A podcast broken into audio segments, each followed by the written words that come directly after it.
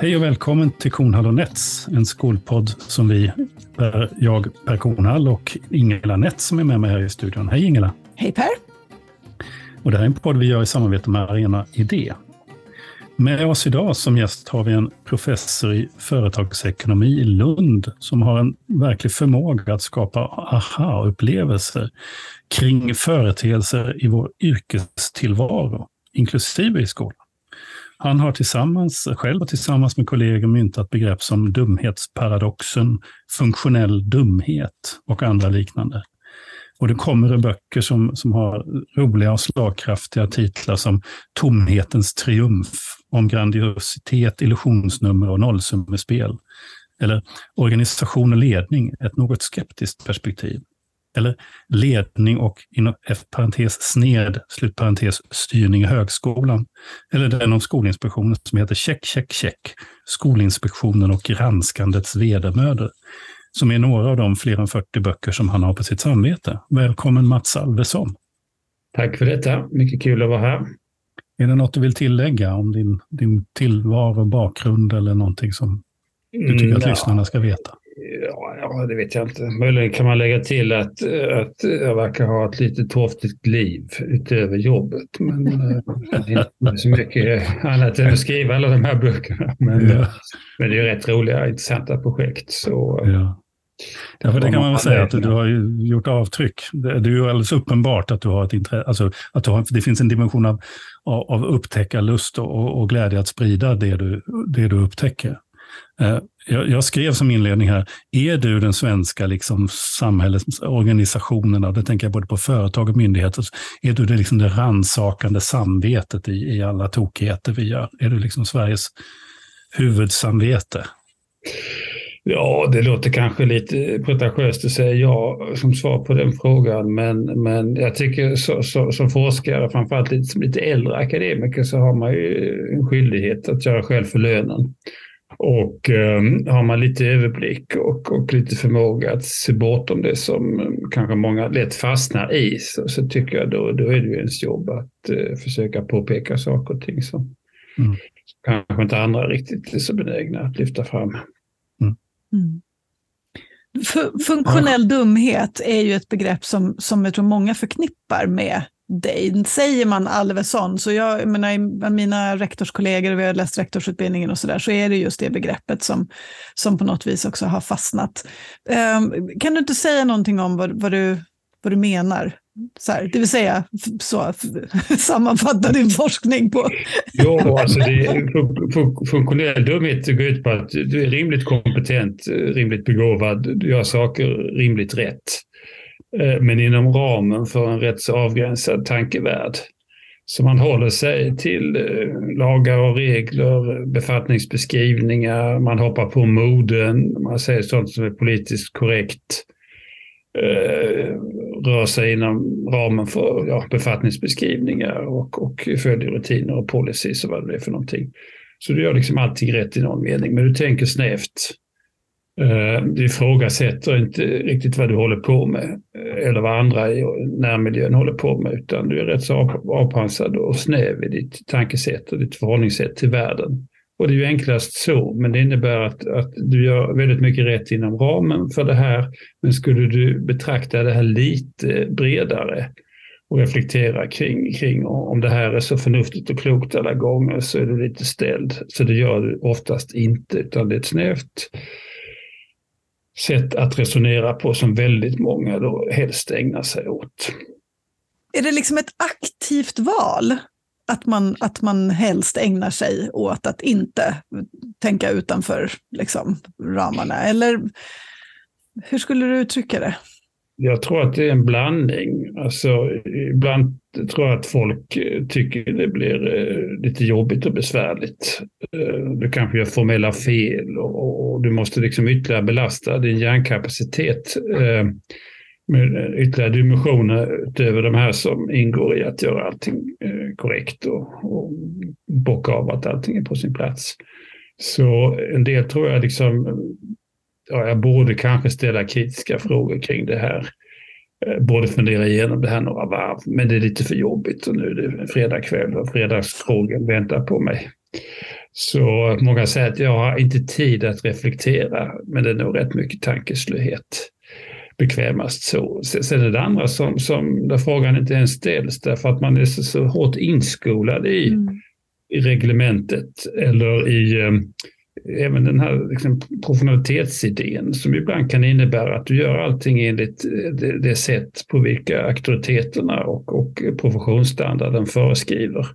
Och då är du väldigt hårt inskolad i det här och då, då liksom har du ingen rätt förmåga eh, att, att eh, fundera igenom det här utanför då boxen eller, eller det silo i vilket du verkar. Det är klart att om du alltid, hela ditt liv har varit i skolans värld, du träffar andra skolmänniskor, du går på utbildningar av skolfolk och skolexperter, vad, vad det nu är för några. Ja, det är inte så lätt då att, eh, att bara ifrågasätta det här på allvar. Så, så ibland är det nog så att man av ren bekvämlighet funktionellt dum och ibland är, är, är man det för att man får liksom ingen stimulans eller, eller klarar av egentligen att tänka utanför mm. den här snäva rymden. Då. Jag, jag kommer att tänka på, och det, då kopplade jag också till den, boken om Skolinspektionen, som där jag låg lite igenkännande åt vissa saker som jag var med om när jag jobbade på Skolverket. Jag, ja, här är det. ja, precis. Check, check, check. Och då måste vi säga nu för er som lyssnar att det går att se den här podden också som video och just nu så håller Mats upp ett väldigt snyggt bokomslag till boken Check, check, check. Och den, där, när jag jobbade på Skolverket kunde jag bli så för, för, för, vad ska man säga, frustrerad över att det fanns en, en logik på myndigheten, till exempel att man var väldigt noga med att definiera vad olika begrepp stod för. Men man var inte alls intresserad av om man använde samma begrepp som omvärlden.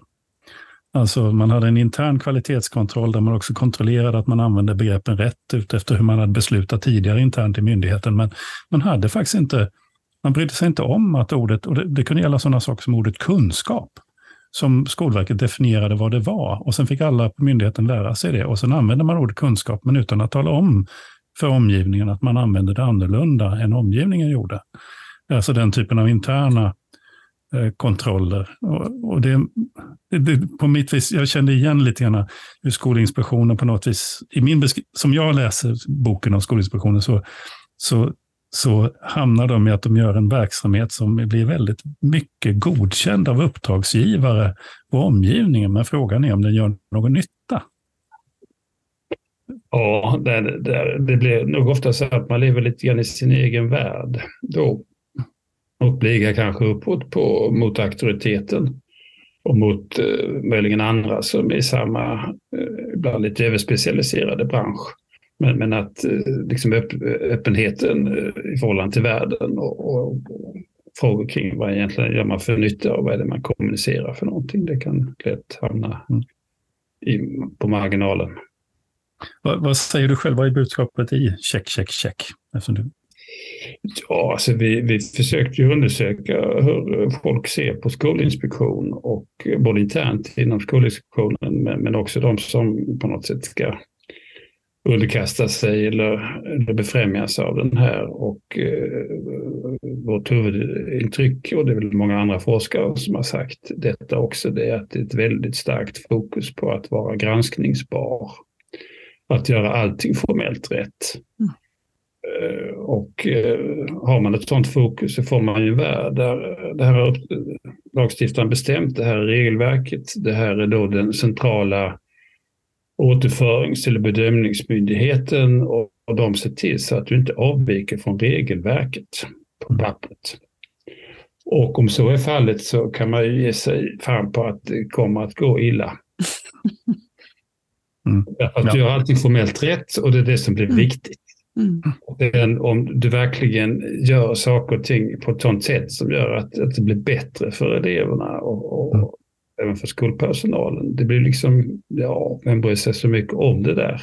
Och ibland är det en överlappning mellan då vad, vad, vad, vad lagstiftning och, och, och regelverk säger och vad man egentligen gör. Men ibland är det ju då mycket mer mångtydigt och, och ibland till och med motsägelsefullt eh, förhållningssätt eller, eller förhållande mellan de här två enheterna. Och om det är väldigt starkt betonade formella så, så, så får ju då det reella, vad man åstadkommer, termer av bra praktik och bra resultat, det där tar ju stryk och nedprioriteras. Så väldigt många ser förmodligen det här är en bra skola därför att vi får inga prickningar.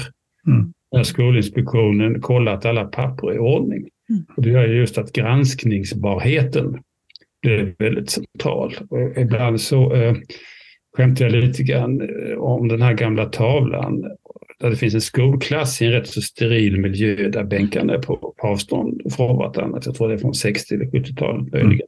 Och så är texten där under den här alienerande tavlan. Är du lönsam, lille vän? Och kan man tänka sig dagens eh, skola, att man har rektorer då som liksom kämpar för att hitta rätt papper och alla papper i ordning och som liksom svettas och, och, och där eh, i en stressad situation så skulle man kunna ha, ha rubriken då, är du granskningsbar lille vän? Mm. Och det är väl en bild av sånt som Skolinspektionen ibland bidrar till och som mm. antyder problemet. Jag satt ju ett möte, när kan det ha varit, 2012 eller något sånt där, blev bjuden på av utbildningsdepartementet att följa med ner ett möte i, i Bryssel, eller utanför Bryssel. Eh, det samlades då representanter från olika utbildningsdepartement i Europa. Och så när vi beskrev hur den svenska Skolinspektionen arbetar, eller rätt sagt vilket uppdrag den hade, detta att den faktiskt bara hade i uppdrag att leta efter fel, för så var det ju i början. De hade ju inget stödjande uppdrag överhuvudtaget, utan de skulle ju verkligen bara hitta avvikelser från regelverket. Då utbröt det ett, ett, ett eh, skratt runt bordet. För, för alla de andra länderna tyckte att det var en sällsynt dålig idé. Så. Och jag tänkte på det, för du sa i något uttalande att det, det, man borde göra kanske är skicka ut någon kunnig skolmänniska att bara titta på verksamheten och gå igenom den och, och göra en, så att säga, en professionell bedömning med alla de här variablerna som faktiskt ingår i en skolverksamhet, om man skulle göra mer nytta. Då.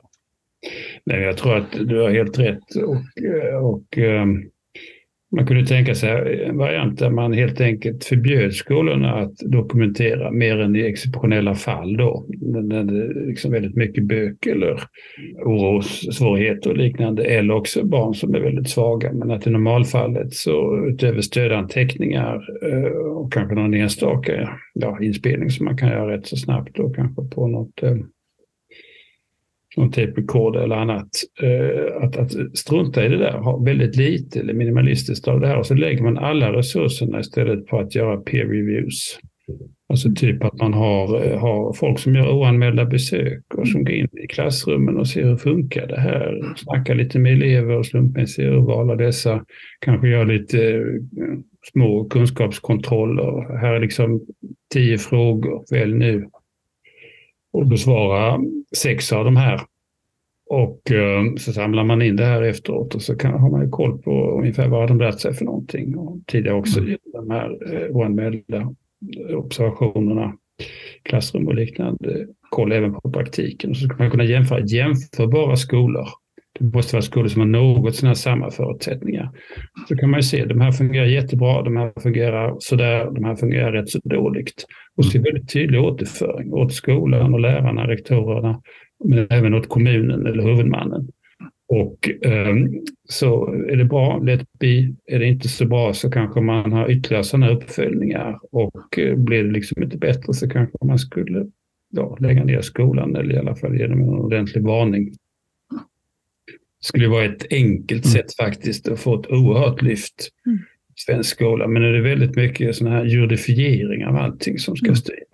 Mm. Och det där är förödande. Egentligen har man väl två grundproblem tycker jag i svensk skola. Det ena är att man, allting ska skolifieras. Så det finns inget alternativ till skolan. Eh, förrän man eventuellt har lyckats klämma sig in i arbetslivet. Och det gör man först efter ett antal års skolgång. Och sen ska allting i skolans värld helst juridifieras. Så jag ser det som ett dubbelfel egentligen när det gäller att skapa bra förutsättningar för mm för unga och för samhället som helhet.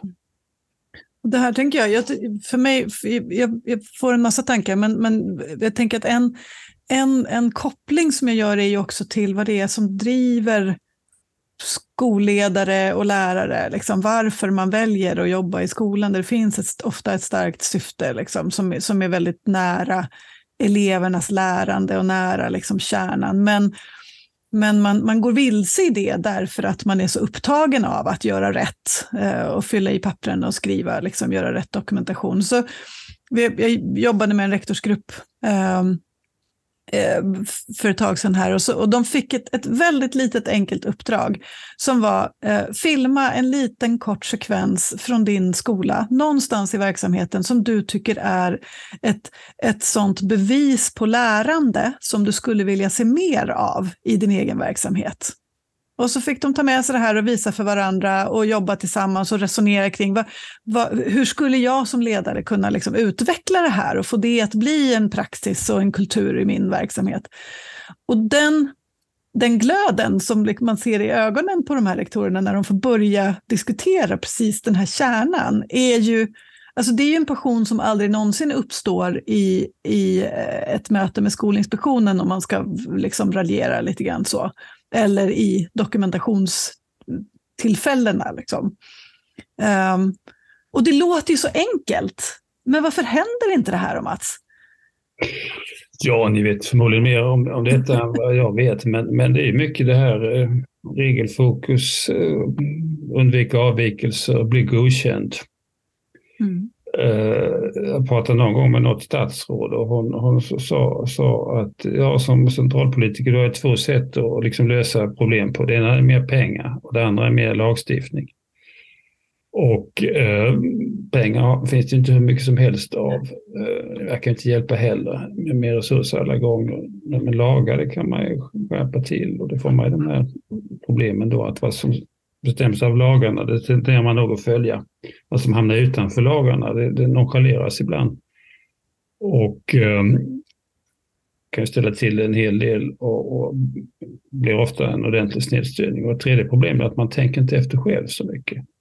Och det tycker jag är ett oerhört stort problem i samhället som helhet och inte minst i rätt så institutionaliserade verksamheter, typ skolan. Att eh, folk liksom tänker inte så mycket utan det blir rätt så standardiserat. Så här gör vi i skolans värld, så här ser det ut. Det här är det pedagoglingo som dominerar. Eh, och, och, och så, så styrs man väldigt mycket av sådana här eh, olika auktoriteter, skolförvalt, skolinspektion, skol, mm. skolverk, pedagogiska experter eh, och andra som liksom talar om så här ska det se ut och så anammar man det här som framgångsformel och tenderar liksom inte fundera igenom hur kan vi liksom få fart på skolan? Kanske vi kan göra på helt annorlunda sätt. Annorlunda bemanning, annorlunda struktur på vår verksamhet Alltså, anställa lite annat folk ibland som, som supplement till lärarna, kanske de som är bra på att skapa lite ordning och liksom trivsel och sådana där saker eller, eller vad det nu är för någonting. Men, men det tenderar att vara väldigt hårt standardiserat och institutionaliserat och hårt också juridifierat. Så en hel del av det här som är positivt, man kan vara lite kreativ och innovativ och göra på andra roligare sätt, det tenderar nog att eh, ofta ja, nedprioriteras. Eller alltså, det blir liksom aldrig någon sån här fråga. Utan det, det här, så här ska vi göra. Och Speciellt inte när, när skolan blir så då utsatt för kontroll som det då har vuxit fram. Jag tänker på en nationella, en av de mest skrämmande statistiken ur svenska skolväsendet är statistik, statistik från Skolverket som visar hur hög procent av lärarna som tar hänsyn till innehållet i nationella prov när de planerar sin undervisning. Det vill säga och, och det gick ifrån 5 procent eller något sånt. Tidigare så brydde sig inte lärare om det. Men det har gått till 60-70 procent, kanske 80 procent. Alltså det, och det är sådana siffror som man ju, attitydförändringar som man ju sällan ser. Men man är alltså så rädd för de nationella proven att det förändrar ens undervisning så mycket. Ja, nej, men så är det nog. Och, och det var en form av styrning. Eh, det blir lätt en snedstyrning om man inte ser upp. Och det gör att alla sådana liksom enkla Enklaste principen, typ då, ja, här ska alla eleverna eh, vara liksom godkända i allt helst. Ja, då får man ju glädjebetygen förstås och, och um, väldigt mycket fuskande och halvkorruption i skolans värld. Uh, de här nationella proven, som du säger, som, så, så, som, som blir väldigt styrande, så, så styr det väldigt mycket. Är det det här man tror att Skolinspektionen då inspekterar på, så uh, fokuserar man detta idealet vore att man liksom använde sitt omdöme och sin förmåga så, så, så, så, långt som möjligt och så försökte lyfta eleverna. Och så hade då någon form av bedömning som är lite eh, väldigt svår att förutsäga och anpassa sig mm. efter så man slipper den här snedstyrningseffekten. Och har man då lite mer runda bedömningar av typ lite duktigt folk som kommer in och ser vad händer i klassrummen mm. uh, och vad har eleverna egentligen verkligen lärt sig för någonting och duktiga är de i förhållande till andra och hur bra det är med, med, med liksom trivsel och demokratisk förmåga och sånt där. Men det kan man ju kolla upp, tror jag. Och uh, gör man det så, så är det väldigt svårt liksom tänka sig att folk nu, nu styrs väldigt mycket av vad de här eventuellt kommer att fokusera på, för det vet man ju inte riktigt. Det är ju rätt intressant, för det, det, det var ju sådana sån inspektion vi hade en gång i svensk skola. Alltså de så här gamla skolkonsulenterna, de hade ju inget specifikt uppdrag om att titta på, på någonting, utan de åkte ut för att titta på kvaliteten i väldigt bred mening och undervisning i väldigt bred mening mm. faktiskt. Mm. Eh, utan det här extrema, som du säger, uttrycker som juridifierade, det är ju ingen, det är ingen hemlighet att vilken rektor eller lärare man pratar om så, så tycker de ju att du ger en rätt riktig bild av, av, av hur det har blivit. Eh, men, och att vi också har haft en sån stark utveckling åt det hållet och det är lite obehagligt. Då. Och då är frågan, vad kan vi göra åt det Mats? Ja, alltså, jag menar då att, att om man gav skolan egentligen och lärarna, eh, rektorerna, eh, friare händer. Men alltså vad gäller liksom, hur lägger du upp det här, vad gör du för någonting? Eh, vad anställer du för folk? Hur använder du din tid? Men i gengäld satte mycket mer krut på att, att ta reda på vad är det man åstadkommer för någonting. Men kan man göra det samtidigt när man har då företag som bara, det kanske finns en oseriös som bara vill tjäna pengar och det finns inga krav ja, men, i systemet? Ja, men de, de blir ju då nitade av det här. För, eh, för om man har folk som tar reda på hur bra fungerar det här och hur bra är resultaten? Återigen i förhållande till förutsättningarna så man har koll på socioekonomisk bakgrund och antalet killar i klassen och invandrare i skolan och vad det nu är för någonting. Så, eh, men om man har koll på det där så eh, klarar man sig inte då med glädjebetyg. Eh, och man ehm, kommer då stå vid skamvrån, inte för att man kanske har svårt att, att rekrytera elever då, genom att man var känd för att, att vara lite sådär hips och haps och vara lite trevlig och, och eh, kanske köra med betygsinflation och annat, utan om det verkligen är så att, att nu fastställer vi så här bra är ni. Då är det väldigt svårt för en skola att tjäna väldigt mycket pengar om man inte har en väldigt bra kärnverksamhet då, man kan göra både och ibland, men ibland är det lättaste sättet att klara sig i den här branschen, det är att man har, har lite flexibla krav och, och eh, man kör med glädjebetyg och, eh, och så vidare. Så jag menar att man skulle kunna komma till rätta med problemen då med, med, med, med friskolor eller marknadsskolor beroende på hur man ser det väldigt mycket genom att kräva och ha koll på, på liksom resultaten då.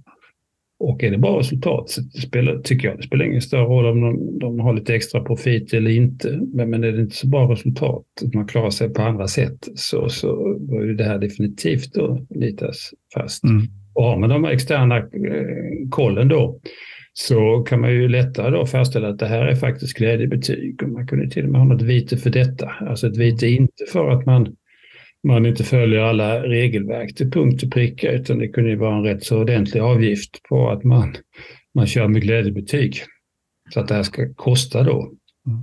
Men då det måste man ju ha, varför jag jagar dig på det här lite grann, men vi ska inte fördjupa oss i det, för då måste man ha något sätt att mäta glädjebetyg och så är vi nere i mätningarna igen. Alltså så fort vi vi har misstankar om någonting så blir det problematiskt hur vi ska mäta. Och så krockar det med bolagslagstiftning som ju säger att du, du får inte som myndighet agera mot ett bolag hur som helst. Och så mm. dras det till hovrätten eller vad det nu kan vara, förvaltningsrätten. Och, och du förstår, Mm. Ja, det, det, finns en massa idiotiska lagar då som, mm. eller idiotiska, de är väl genomtänkta på vissa, vissa områden. Men, men det är ju på det sättet att, att en del leverantörer då inom sjukvård och liknande, att det är inte säkert att de får förlängt förordnande, utan man kan ju mycket väl tänka sig någon slags sån här leverantörsprincip mm. som gör att de som eh, underpresterar vad gäller leveransen och här ingår ju fusk rimligen i en bedömning av det här, de får inte förlängt förordnande. Så man borde nog kunna göra om på lagstiftningen på ett lite klokare sätt och ha, ha, följa principer som, som gäller i annan konkurrensutsatt verksamhet. Eh, snarare än det så som då nu märkligt nog genomsyrar skolans värld. Mm. Det har vi Men tillbaka till där vi var med funktionell dumhet och bara en, en tanke där är ju jag tycker att det där är så spännande. Jag har ju läst en hel del skolledarforskning som ju visar att de riktigt duktiga skolledarna, det vill säga de som får bra verksamhet, alltså där, de är ju rätt så slarviga med att följa ibland vad de, deras överordnade har sagt till dem att göra. Alltså att de, de har en sådan moralisk passion för uppdraget att de så att säga inte lyder allting för att då ser de inte att de har möjlighet att, uppfölj, att fullfölja sitt uppdrag. Och därför så tar de lite genvägar här och där. Och så. Eh, ganska kraftfulla sådana resultat. Mm. Nej, men jag tror att det, det är så. Absolut. Mm. Och det är ju, där är det ju så, det här har vi pratat om så många gånger, för det kostar. Så är det ju, det kostar på ett personligt plan att, att, att vara den, den ledare som, som duckar lite, eller som liksom, för, för att man, man, man blir klämd i det här det här systemet och de förväntningar och den liksom hierarki som finns där det finns förväntningar på att man ska leverera enligt, enligt liksom protokollet. Så. Um, och, och det, jag pratade med en, en, en rektorskompis alldeles nyligen som, som också var inne på det där. Så, men men liksom var, när, man, när man ser det här, om man som rektor ser att det, det, det, finns en massa funktionell dumhet i min organisation och jag tycker att jag är klarsynt nog att se förbi den och jag ser vad vi borde göra istället eller låta bli att göra. Alltså, var börjar man? Är det liksom uppåt i organisationen för att övertyga chefer om att de ska sluta kräva massa liksom, eh, värdegrundsarbete och dokumentation? Eller är det, ska man ha sina medarbetare med sig? Liksom, hur, hur gör man? Ja, alltså jag tror att man måste jobba på flera nivåer. Man kan ju mm. kontakta sin riksdagskvinna eller riksdagsman förstås och ge tydlig återföring. Eh, och, och, jobba på den nivån och, och, och, och vara opinionsbildare och liknande. Men, men sen kan man ju eh, mer internt tänka sig alla möjliga varianter från att eh, man kommer överens med den egna personalen kring eh, hur kan vi jobba på lite klokare sätt här eh, och fundera igenom de egna eh, dumheterna och onödigheterna som man ägnar sig åt. och kanske komma fram till lite egna goda lösningar. Typ om man nu har en skola som har stora ja, oros, arbetsmiljö, disciplinproblem. Ja, det finns standardlösningar på detta. Man kanske ibland skulle anställa ett par personer som har lite muskler och respekt och som ser lite sådär eh, väldigt respektingivande ut. Och ibland kan det räcka med att en sån person eh, dyker upp i ett klassrum och ser lite, eh, lite argsint ut för att det har en dämpande effekt. Och ibland kanske man ska gå ut med de som bråkar allra värst och kuta en runda, runda runt kvarteret eller något annat. Men se till så att man har då resurser som gör att man kan hantera detta. Ja, det har vi inte pengar till. Ja, snarare än att lärarna har en väldigt jobbig situation så kanske de kan eh, undervisa någon timme mer i veckan i genomsnitt. Och då har man resurser till att ha ett par sådana här personer som, som, som kanske skulle kunna hjälpa till utan att det nödvändigtvis eh, spräcker budgeten. Och, eh, Sånt här gör ju då, som jag ser, just de här skickliga eh, mm. fristående, alltså de här rektorerna som tar sitt uppdrag på allvar, de gör ju ofta väldigt många olika lösningar. Mm. Jag känner ju en rektor som, som anställde en socionom som åkte och hämtade hemmasittare. Mm. Fick dem i skolan och de väl socialiserades in så, så var de ju i skolan sen och tyckte det var bra. Men, men just att han så att säga, tackade nej till kommunens datasatsningar för att istället på sin skola anställa en socionom. Den typen av alltså mod att göra det som faktiskt krävs. Precis, och eh, en del har det. Många har inte detta tyvärr, utan väldigt många är väldigt standardiserade och väldigt lydiga. Mm. Och lydnaden kan ibland vara svårt om du är den enda då som sticker ut halsen eh, och alla andra är väldigt lydiga. Alltså vi, vi har en studie här som, som handlar om rektorsarbete där vi gjort eh, observationer av rektorer under arbetsdagen och det är slående att rätt många de, de går på en massa möten som de tycker är meningslösa. Mm. Fattar inte varför de ska gå på mötena och, och, men varför går du då? Ja, chefen förväntar sig detta, mm. alla andra går och det ser illa ut. Mm. Så de är jättestressade där, eh, men sitter av två timmar på meningslöshet utan att protestera. Mm. Och eh, då kan man ju tycka att, att det här finns ju ofta ett friutrymme. Man kan väl göra det här eh, utan att fråga om lov hela tiden och göra mycket mer. Men sen när man känner ett väldigt starkt tryck, men en variant är att man pratar med andra kollegor eh, eller med personalen och så kommunicerar väldigt tydligt att vi har tänkt igenom det här ordentligt. Vi inser er situation, era krav och liknande. Vi tror inte det här kommer att bidra till kärnverksamheten för vår del och vill därför ha ett, ett möte om detta. Eller om man inte tycker att man direkt kan blåneka. Men, men ta lite mer initiativ och påverka uppåt eh, borde vara inte så oerhört svårt, men ibland så verkar det som väldigt många beter sig som de befann sig i en preussisk armé. Mm. Ledningen har bestämt, därför ska mm. vi göra så här. Mm. Nej, alltså ledningen har bestämt. Kanske ska vi överväga om det här är en bra idé. Tycker vi det så gör vi detta. Tycker vi inte det så antingen så struntar vi i det här och vi är helt övertygade och vi kan ta den fighten. Eller också så vill vi ha ett ordentligt samtal kring det här. Och eh, bra organisation, det kräver då att man liksom påverkar åt lite olika håll och kanter, att man försöker då värna om det goda argumentet, sakskäl för att göra saker och ting. Men det där verkar ibland eh, inte vara så vanligt att man, man, man beaktar detta. Är det här friutrymmet större än vi tror ofta? Ja, det tror jag. Alltså det kan ju vara sanktioner i meningen att det här tycker vi inte om eller att eh, blir inte så populär eller eh, en karriärsplan då för att bli biträdande utbildningschef här inom ett par år. Den kanske grisas något. Så det, kan ju, det finns ju alltid vissa risker, men man blir sällan avskedad och eh, blir man det så som rektor till exempel, det finns ju rätt gott om rektorsjobb att söka. Så, ehm, så Sverige har ju väldigt mycket anställningstrygghet, så jag tror nog att, att de flesta har mycket mer frihetsgrad än vad de tänker sig den här liksom rädslan för att avvika eller att inte bli så populär eller att, att någon misstänker någonting om en. Att det är rätt mycket sådana grumliga motiv för, för uh, överdriven anpasslighet.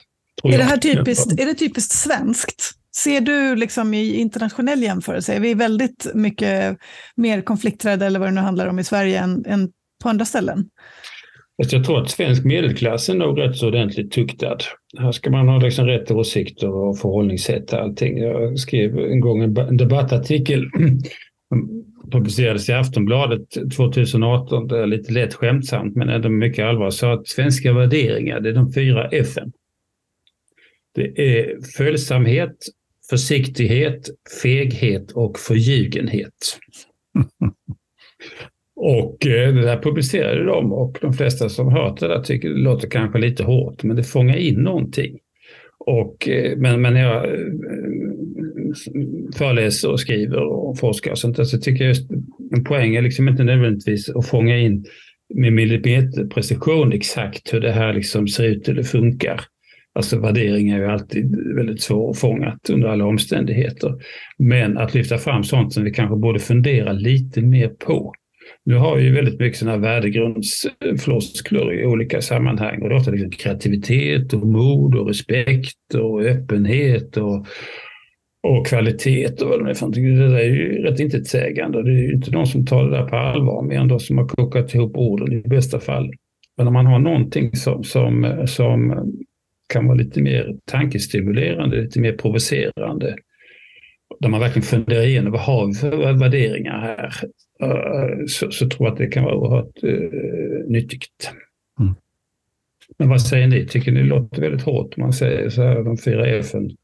Följsamhet, eh, försiktighet, feghet och förljugenhet. Jag skulle först vilja säga att jag tror att det här är ett problem som finns i alla länder. Och, och, och sen är det olika hur pass man säger, eh, hur pass auktoritära, auktoritära systemen fungerar. Vi i Sverige har ändå haft någon sorts självkänsla av att vi varit lite mer demokratiska och sådär. Men apropå dina fyra F så är det just förljugenheten som jag var intresserad av. av vad är det som är, vad, vad, för det är det, de andra sakerna är ju ganska jag tycker inte är så jätte, jättetrubbiga, men förljug, eller jättevassa, men just förljugenhet, vad, vad lägger du i det? På vilket sätt ljuger vi? Alltså det, det följer lite grann av det här andra då, att, att om man inte har, har liksom mod eller förmåga att säga vad man egentligen tycker, utan man ska tassa mm. omkring och vara väldigt försiktig. Och, alltså politisk korrekthet är väl ett exempel på det där att, att, att man, man ibland kanske inte har, har värdering eller uppfattningar som fullt i linje med vad som låter sig sägas då i ett officiellt sammanhang. Men, men där är man väldigt försiktig och, och och, och, så, och, och återhållsam med vad man tycker och tänker. Um, sen har vi väldigt mycket det här med visioner och varumärkande och värdegrunder och allting det ska mm. glassas så in i förbannelse. Alltså, så mm. att, att, världen är så grandios och tjusig. Världens bästa skola snackas det ibland om från politiskt håll. Mm. Alla har rätt till allt och det låter ju väldigt fint och bra men uh, alla har rätt till att lyckas. Mm. Uh, man ser hela tiden sådana lustiga formuleringar på, på skolan nära där jag bor. Så, så står man på hemsidan, här är alla hjältar. Mm.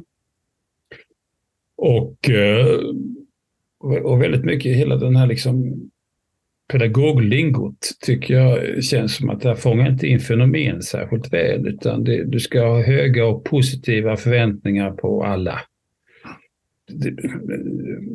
ja, det, det kanske man upprepar, men menar man verkligen det här då? Va? Eh, du ska ha en positiv människosyn och sån annan utsaga som man hela tiden stöter på. Alla vill utvecklas, alla är kompetenta och engagerade.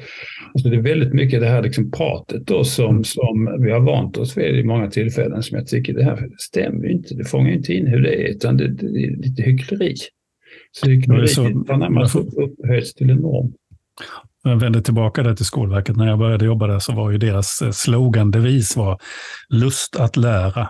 Skolverket visar vägen. Och jag, jag vet att jag tillfälle sa till ledningen att nej, men, skärp er. Alltså, det är ju så faktiskt så att ni skriver kursplaner. Så ni, ni talar om för folk vad de ska göra. Alltså, ni, ni är en bestämmande myndighet, inte någon som liksom som på något sätt ska locka. Det är ingen inspirationsföreläsning den här myndigheten, utan den är ja, faktiskt en, en, en bestämmande myndighet och då får man liksom ta höjd för det i sitt språkbruk också. Det, det, det, det landar inte så bra när jag såg Nej, det, det, det är lite kul därför att eh, jag fick, någon skickade mig någon, eh, någon inspelning här där skol, Skolverket skulle prata om sig själv som innovationsmyndighet. Och den cirkulerar tydligen runt här och med mm. rätt många hårdfulla utsagor kring, mm. kring det här. Jag bara tittar några minuter men det här var ju väldigt, eh, väldigt oklart vad det handlar om. Men det låter sådär liksom väldigt tjusigt, innovation och vad det var för någonting. Mm. Så att eh, det skulle verkligen åstadkommas underverk här och man undrar vad är substansen bakom allt detta. Alltså när det gäller generellt ledarskap, du skriver om så många olika saker. Men jag tänker på det här med ledarskap. För en sak som, som, som jag kommer från det naturvetenskapliga hållet och så har jag närmat mig ledarskapsforskning med de ögonen kan man väl säga då, som, som, som biolog. Och så, så inser jag bara att, att herregud så mycket floskler eh, och så mycket saker man säger. Och så fastnar jag för det i, i organisation och ledning ett något skeptiskt perspektiv, så skriver du någonting som jag också har hittat i en del, vad ska jag säga, eh, kvantitativ ledarskapsforskning, nämligen att en företagsledning normalt, det finns undantag, har ringa betydelse för resultatet. Alltså vi har de här ledningarna, och så, men om man verkligen ger sig fan på att mäta om de har någon betydelse för vad som egentligen produceras, så, så blir det ganska lite. Ja, här Per är det nog så att det finns väldigt många olika uppfattningar om det här. Och en del har ju då intresse av att verkligen lyfta fram ledarskapets betydelse. Och då lyckas man ju bevisa det där också. Eh, så djuren är väl fortfarande ute i den här frågan. Men ehm, när vi, gör, vi har gjort djupstudier av ledarskap där man liksom följer chefer och, och ser vad de gör och sen försöker fånga upp om det här tar några avtryck eller inte. Så eh, det är nog svårt att tro att i normalfallet låter sig folk påverkas så där oerhört mycket.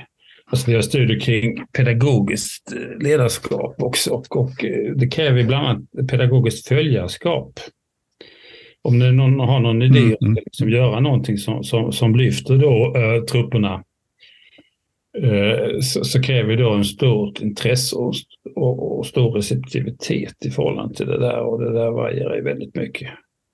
Och, och rätt många är inte så där jätteintresserade. Man, man, man tvingas gå på någon föreläsning eller sätts i någon arbetslag och ska jobba ihop och det kanske fungerar ibland men det varierar nog. Och rätt många sådana här obligatoriska föreläsningar för alla, det, det, det uppskattas långt ifrån alltid. Mm. Sen eh, skulle man hålla på med det här så fick man nog ligga rätt nära en konkret verksamhet. Alltså vad gör mm. lärarna i klassrummen och kanske jobba rätt mycket med vissa och låta andra totalt liksom göra som de vill. Blanda inte i det här, det blir bara liksom sämre. Och ha väldigt eh, differentierat förhållningssätt där. Men det kräver en del tid och, och, eh, och närvaro och gott omdöme och att man har en bra relation och verkligen lyckas göra någonting med folk. Ibland kanske man kan starta avvecklingsprojekt så att man, man får visa och göra något annat istället. Men, men de flesta rektorer är med sådana standardlösningar och sen brandkårsutryckningar och, och annat som gör att eh, det där med ledarskap, det, det kräver väldigt mycket tid och väldigt mycket förmåga. Och de flesta chefer de håller på med administration och operativa frågor. Mm. Så det där är rätt mycket någon sån där lite konstig föreställning om att det här skulle lyfta. Sen kan det finnas folk som är otroligt duktiga och tar det här på mycket stort allvar och åstadkommer bra resultat. Men det tror jag nog eh, kräver väldigt gynnsamma förutsättningar och det är nog undantag mer än regeln. Och kanske är det framförallt, jag tänker att det, det, det, man ser är också att det är någon sorts eh, att, att det liksom är en, en, kontinuitet i sig som, som också ger gynnsamma förhållanden mer kanske än individen. Att, att, bara att det finns, att det liksom inte byts ständigt, för då är det ju någon sorts omstart med framförallt alla de här administrativa processerna och lära känna och liksom så. Medan har man, har man en och samma ledare under en längre tid så finns det också liksom utrymme för, för de professionella att att också sätta en hög standard. Liksom. Mm. Ja, nej, men jag tror det blir mycket bättre samspel och eh, en bra organisation. Eh, där tar ju folk lite bredare ansvar, så du har ju någon ledningsfunktion som kan vara viktig nog, men det behöver inte vara liksom någon som är högsta hönset så, som står för allt, utan det, det, kan ju innebära att man, man hittar roller och samspel som gör att eh, att påverka samordning, eh, idégenerering, stöd eh, vad det nu är för någonting som mm. liksom krävs för en välfungerande organisation. Att det, det, är flera som är med på det här. Men det kräver ju då att man känner folk och att man har lite mer stabila relationer och liksom jobbar upp det här eh, lite mer nedifrån. Men, men ofta är det så där att rektorer stannar inte särskilt länge på jobbet och det gör ju då att sannolikheten att man har någon direkt impact är rätt så liten. Samtidigt som mm. framgångsformeln är med det pedagogiska ledarskapet så lyfter vi skolan. Men, men det är nog ett av många exempel då på att man, man, man är uppe i det blå. För vi, har, vi har ju pratat med folk ute på Järvafältet som det heter i Stockholm här. Där har man ju gjort så att man har aktivt lyft bort administrativa göromål från rektorerna för att de ska kunna vara ledare. Jag tänker på det i relation till det att ni skriver att jag tror det är Kairos Future ni citerar som säger att det är få svenska chefer som har tid att utöva ledarskap. Men man då tittar på Järvafältets rektorer idag så, är, så har man alltså aktivt från deras ledning i sin tur lyft av dem administration för att de ska kunna vara i klassrummet och bry sig om och vara ledare. Det måste ju då kunna ses som en ganska bra tanke då. Alltså, eh, eh, man, man, kan ju tänka sig då att man skulle göra om svensk skola eh, med, genom lite radikala insatser. Jag nämnde tidigare att man kanske skulle ta bort all dokumentation. Mm. Bortsett från väldigt lite. Mm. Ja, då måste man göra något annat än att hålla på med verksamhetsberättelser och policies och planer och rutiner för, för allting. Uh, och då kan man jobba med frågor istället förstås. En, en annan variant, eller supplemang till det, det kunde ju vara att man befriade rektorer från arbetsrum. Så normaltillståndet är ute i verksamheten. Och eh, då måste man göra e-mails och sånt där, men man kan sätta sig längst bak i klassrummet till exempel, där man kör e-mail. Eventuellt så kan man på med hörlurarna och så jobbar man med det här, men till och från så tittar man ju upp mm. och ser vad som händer i klassrummet. Och eh, bara liksom några sådana där nedslag kan ju innebära sen att man har bra påverkan på, på läraren i fråga eller att man talar om för eleven att det här verkar hända här och hur, hur hanterar ni egentligen er elevsituation? Där så är motiverat. Eh, men att rätt mycket av administration eh, görs då eh, kortare och snabbare och ute i verksamheten. Sen ibland kanske man ska ha något mötesrum där man sitter i med känsliga frågor och man behöver verkligen koncentrera sig om något. Men det kan ju vara några timmar i veckan snarare än att det liksom är normal, normal tillvaro. Det där, det där är intressant att du lyfter det. Det vet jag när jag började som rektor så var det en av de saker som, som de, de liksom eh, de som, som var erfarna och lite garvade skolledare när jag, när jag började eh, sa så här att ja, ja, jag sa, du, det, du kan absolut ha det där som en ambition, men det kommer inte, det kommer inte att hända. Och jag såg själv, jag märkte ju vilken, vilken liksom kamp det är. Det blir någon sorts inre kamp, därför att det är så lätt att gå in och sätta sig på sitt kontor och stänga dörren, för det är lugnt och tyst och det är liksom, man får tid att, att, att göra alla de där sakerna.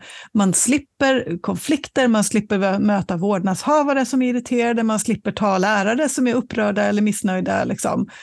Um, och så backar man liksom in i det istället för att att, att orka befinna sig där eh, mitt i där det händer, som ju när man väl är där också ger så enormt mycket tillbaka, både energimässigt i alla möten, liksom, men, men förstås också informationsmässigt, att man, man lär känna liksom, vad som faktiskt händer. Men jag tror att det där är någon sorts ständig det finns en ambition hos, tror jag, de allra flesta rektorer att vara den där närvarande rektorn. Och så hamnar man lik förbaskat liksom, vid sitt skrivbord. Um, vi, vi, pratade lite grann om uh, det här innan jag och Ingela, att ibland mm. när man läser dina... Alltså det är sån igenkänningsfaktor mm. i, i det, det, det, det, du och, och, dina kollegor skriver. Uh, men ibland blir man så jävla frustrerad. Okej, okay, vi vet om att det är så här, men hur fan ska vi göra då? ja, alltså jag tror att en del, eh, det borde egentligen inte vara så svårt, men ehm, eh, alla liksom skyller egentligen på alla, i mitt intryck. Att eh, politikerna hittar på en massa lagar som alla ska följa och det, det gör då att, att eh, man känner sig låst och begränsad och, och får ångest för att inte följa allt det här. Så det är deras fel. Och sen eh, på, på förvaltningsnivå så är det en massa som har sina intressen och som driver sådana här frågor. När man försöker ibland skulle vi inte kunna göra på annorlunda sätt att faktiskt ha koll på praktik och resultat. Och ibland eh, har jag pratat med kommunalråd och andra som är med på det här, men ja, men om förvaltningsledningen är med på detta, kanske. Och om rektorerna är med på det här så möjligen då. Va? Men det känns som att alla har någon, någon sån där försiktig inställning eller tillskriver andra försiktiga inställningar. Ehm, så det är en märklig situation. För i någon mening så tror jag att de flesta håller med om att det här skulle vi kunna göra så oerhört mycket bättre och vi gör alla det sämre på olika sätt och vis. Men eh, om man då la ner typ Skolinspektionen i dess nuvarande form, la ner barn och elevombudet och eh, la då resurserna på sån här ordentlig granskning. Vad är det som händer här? Och hur ser resultaten ut? och med möjliga sanktioner där det inte fungerar så bra. Det kan ju vara även rådgivning och en läxa till kommuner eller huvudman eller vad man nu hittar på för någonting, eh, tvångsförvaltning eh, bortöver. Man har liksom en åtgärdslista där man konstaterar att det här fungerar inte så bra. Men i gengäld så har då, har då både huvudman och, och rektor mycket friare händer att utforma verksamheten på, på ett sätt och egentligen tvingas göra det då. För, för nu kan man säga, ja vi gör precis enligt standards här, bock, bock, bock, okej. Okay. Uh, nej, men nej, alltså det, vi är intresserade av det resultat. Hur mycket lyckas ni lyfta eleverna här under uh, en årskurs eller liknande? Hur duktiga är era elever i åttonde klass om vi jämför med jämförbara skolor? i genomsnitt. Mm. Alltså, mm. för mig, jag kan tycka det är ett sådant självklart sätt att styra verksamhet på, men det verkar totalt fjärran för de flesta. Man är så van vid det här mm. alla. Men, men med några andra typer av styrmetoder tror man skulle kunna åstadkomma en hel del. Sen kan man göra en hel del också på lokal nivå, men, men det är lite svårare, lite bökigare och väldigt många är då hårt inskolade. Så här ser det ut. Och eh, ja, det gör att man, man liksom fastnar. Men, men med lite kloka politiker, eller med några då, kommun eller företag som kanske har lite friutrymme som skulle pröva att göra det på ett helt annat sätt. Så jag tror att man skulle kunna få lite islossning till stånd i svensk skola.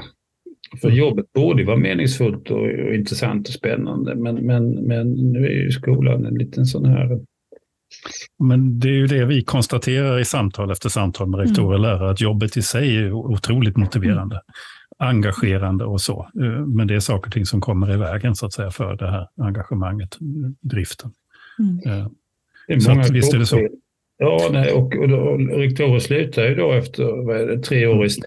Alltså det är väldigt hög omsättning och det, det märker vi också i den här eh, studien av rektorsarbete att eh, alla säger att det här är oerhört motiverande, man gör allting för barnens bästa och så vidare. Eh, samtidigt så stannar man inte särskilt länge och förmodligen var det för barnens bästa var väl kanske att man höll ut lite längre perioder. Så, som Ingela sa så är ju det mm. stabiliteten mm. förmodligen viktigt i sånt här sammanhang. Men, men eh, frågan är egentligen hur det är med förhållningssättet härvidlag. Eller då de här krafterna som gör att rektorer ofta nöts ner.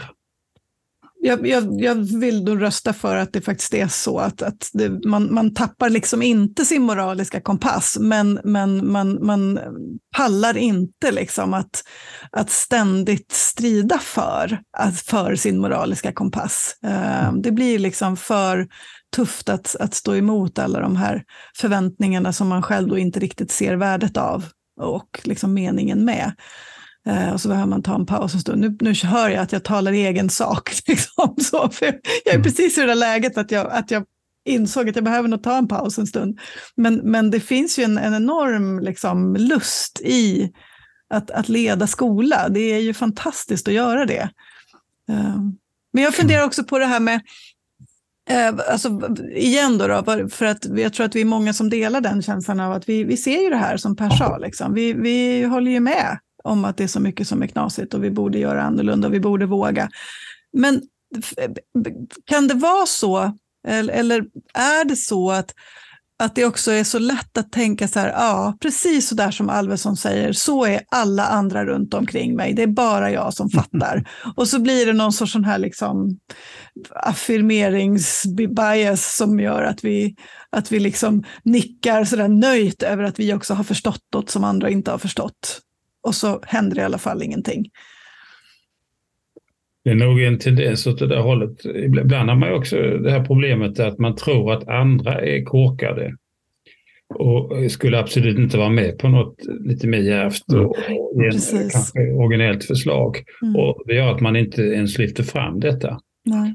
Så jag tror man skulle kunna då eh, här få, få loss eh, fantasin och mm. kreativiteten lite mer så skulle en hel del kunna, kunna vinnas. Ehm, men, men det där är liksom inte så lätt alla gånger. Men, men ehm, jag har också en känsla av att det här med rektorsarbetet, när jag var, gick gymnasieskolan så kollade jag vad hade rektor, hur såg det ut här med liksom arbetsuppgifter och fördelning och sånt där. Det visade sig att rektorn på den här stora gymnasieskolan undervisade eh, fyra, fem timmar i veckan, alltså kvartstid ungefär. Mm. Studierektor, det var den andra som hade något ledningsjobb, halvtid. Och det var en stor gymnasieskola och eh, ja, det där kanske inte var helt fel. Och idag så är det många fler rektorer och alla har liksom ingen möjlighet att undervisa. Men det kan nog delvis ses som en fråga av att man, man, man liksom faller in i vissa standarder. Så här ska det se ut mm. ungefär. Ja, administrativ överlappning, att man kanske skulle kunna delegera en del sådana här frågor. Man behöver inte vara med på allt. Man har lite andra funktioner som folk eh, kanske jobbar med personalens problem, okej okay, om det är något som absolut har att göra med, med liksom kärnfrågan här så, så, kanske, men annars är det någon som, som en seniorlärare som har lite bra stödkapacitet och, och lyssnar på folk och sånt där. Ja, du får några timmar mindre undervisning i veckan och så, så tar du hand om det här för jag orkar inte höra allt gnäll. Jag har tillräckligt mycket från föräldrar och barn. Så därför liksom utdelegerar jag det här och tar hellre några av dina timmar istället till exempel. Mm. Alltså, jag tror man skulle kunna fundera igenom det här mycket mer och, och, säga nej till en hel del olika typer av påfund som kommer uppifrån. Kommunen har bestämt det här. Mm. Och så säga till kommunpolitiker, okej, okay, för er är det enklast att göra en standardlösning. Nu ska alla jobba med hållbarhet eller hbtq-frågor eller vad det nu är för någonting eller förintelsen. Eh, och det kan ju då vara bra populistiskt sett. Men det räcker väl för er då om ni liksom kör det här i massmedia och sen får vi, eh, har vi till, till, eh, kan vi göra det här frivilligt.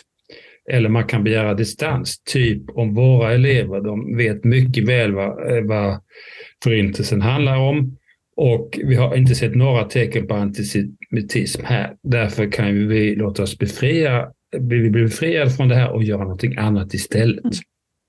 Så jag tror man skulle kunna göra mycket mer genom att vara lite mer proaktiv och lite mer fantasi och, och kanske ha mindre av sådana här standardiseringsinsatser som man ofta har på, på inbillar mig då.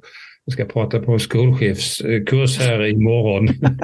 så, så som jag tror att den här typen av utbildning normalt då representerar som gör att folks benägenheten till att vara rätt så så standardiserade och fantasilösa. Det hela tiden späs på. Eh, jag kan tänka mig att också både för skolchefsrollen och jag vet att det är så i rektorsrollen, eh, så är det också det att man är ju ganska ensam om inte det finns ett bra kollegialt utbyte utbyggt i kommunen. Det vill säga att, att alla de här kraven landar på ensamma människor som, som upplever att de inte har något alternativ. Men jag kan uppleva många gånger när rektorer träffas så förstår de så kan de se och spegla sig i varandra och se att ja men shit, jag har ju precis samma fråga, det tycker jag är precis lika dumt som du tycker att det är. Mm. Och, och, i det kan man ibland hitta eh, styrka att försöka göra saker och ting annorlunda. Då. Och det tror jag man kan organisera på klokare sätt.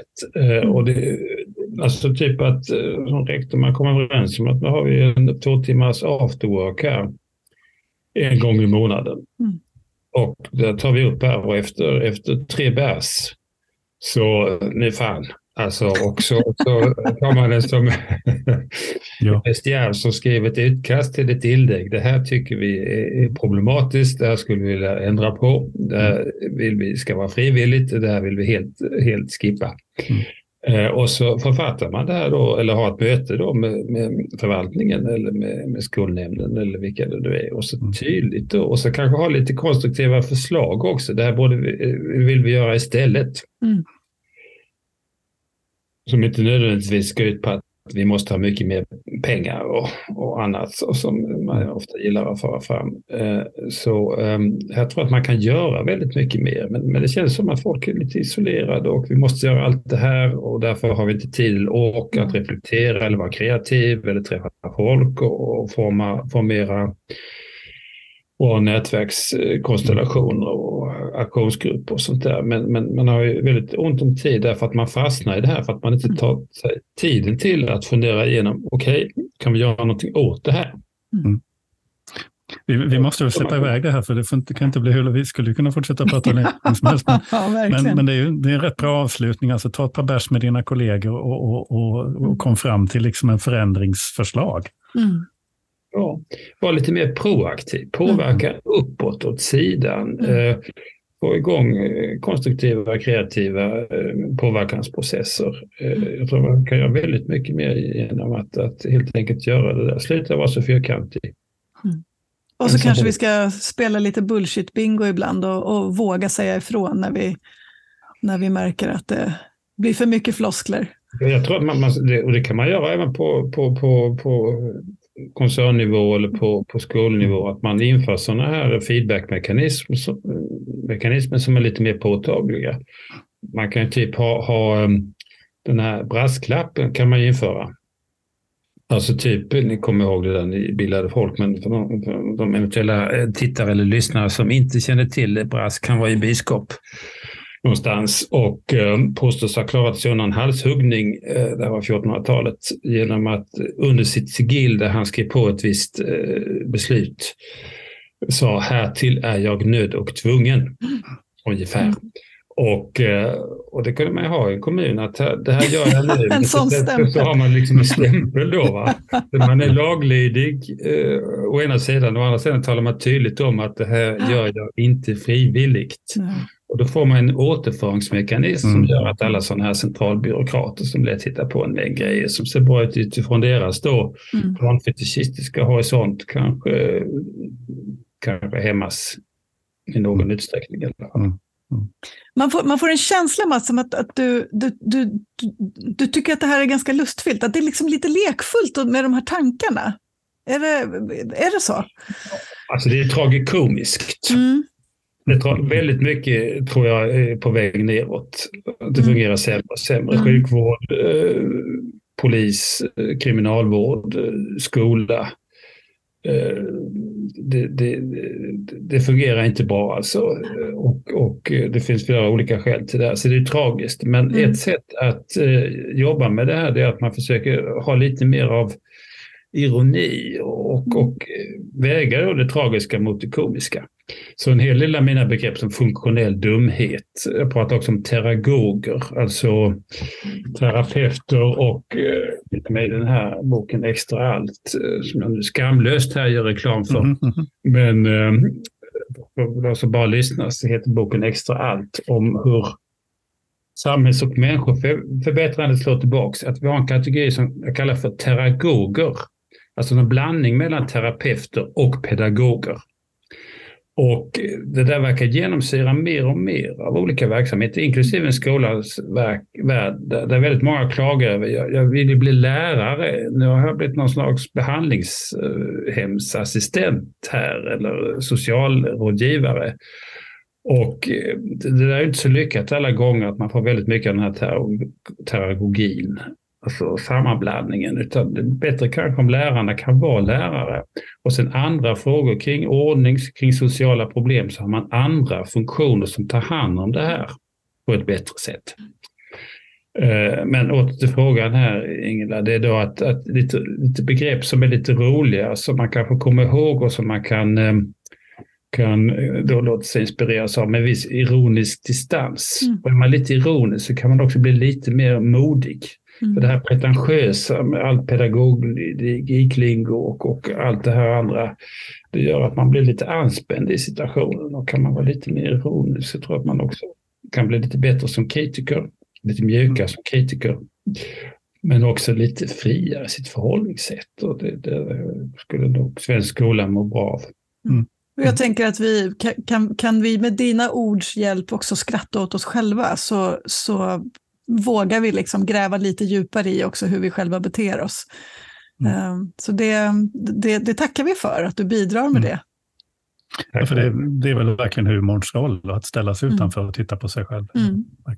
Det är väldigt lätt att tycka att, att andra de håller på med funktionell mm. dumhet, men vi som är i samma, i samma lokal eller samma podd som vi är nu, vi vi är verkligen inte drabbade av det här, utan de andra som är felet. Men de flesta av oss tenderar ju att ha sina käpphästar och snävtänksbenägenheter. Och, eh, Absolut. Det är nog viktigt att försöka göra upp med det där.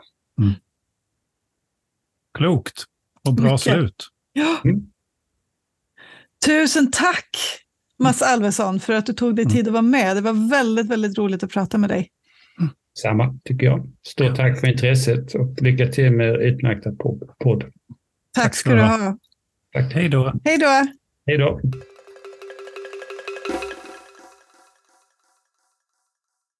får vi vara lite snabba Ingela, för jag måste rusa. Men det kanske ja. inte finns så himla mycket att tillägga mer än att säga att men, men kära människor, läs hans böcker. De är ja, både roliga och, och tänkvärda. Ja, och liksom låt dig bli provocerad i, i liksom ambitionen att ändå försöka få syn på lite grann vad, vad, vad du själv gör, vad vi själva mm. faktiskt gör. Vi sa innan här att, att jag, menar, jag satt senast idag på mitt arbete och kände att jag ville skrika bullshit, bingo, mm. när vi mm. pratade om något sånt här styrdokument. Liksom. Eh, och så gjorde jag inte det. Varför gjorde jag inte mm. det? Vad är det som mm. hindrar mig? Mm.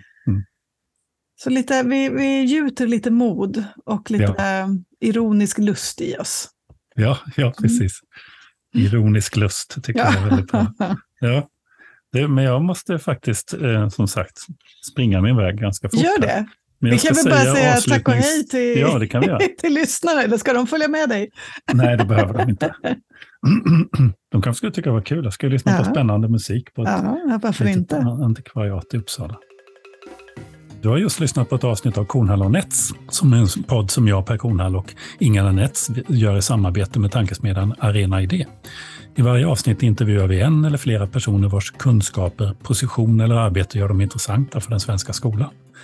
Om du har en önskegäst eller det finns någonting du vill att vi ska ta upp i podden så hör av dig till oss. Du hittar våra kontaktuppgifter då du hittar podden.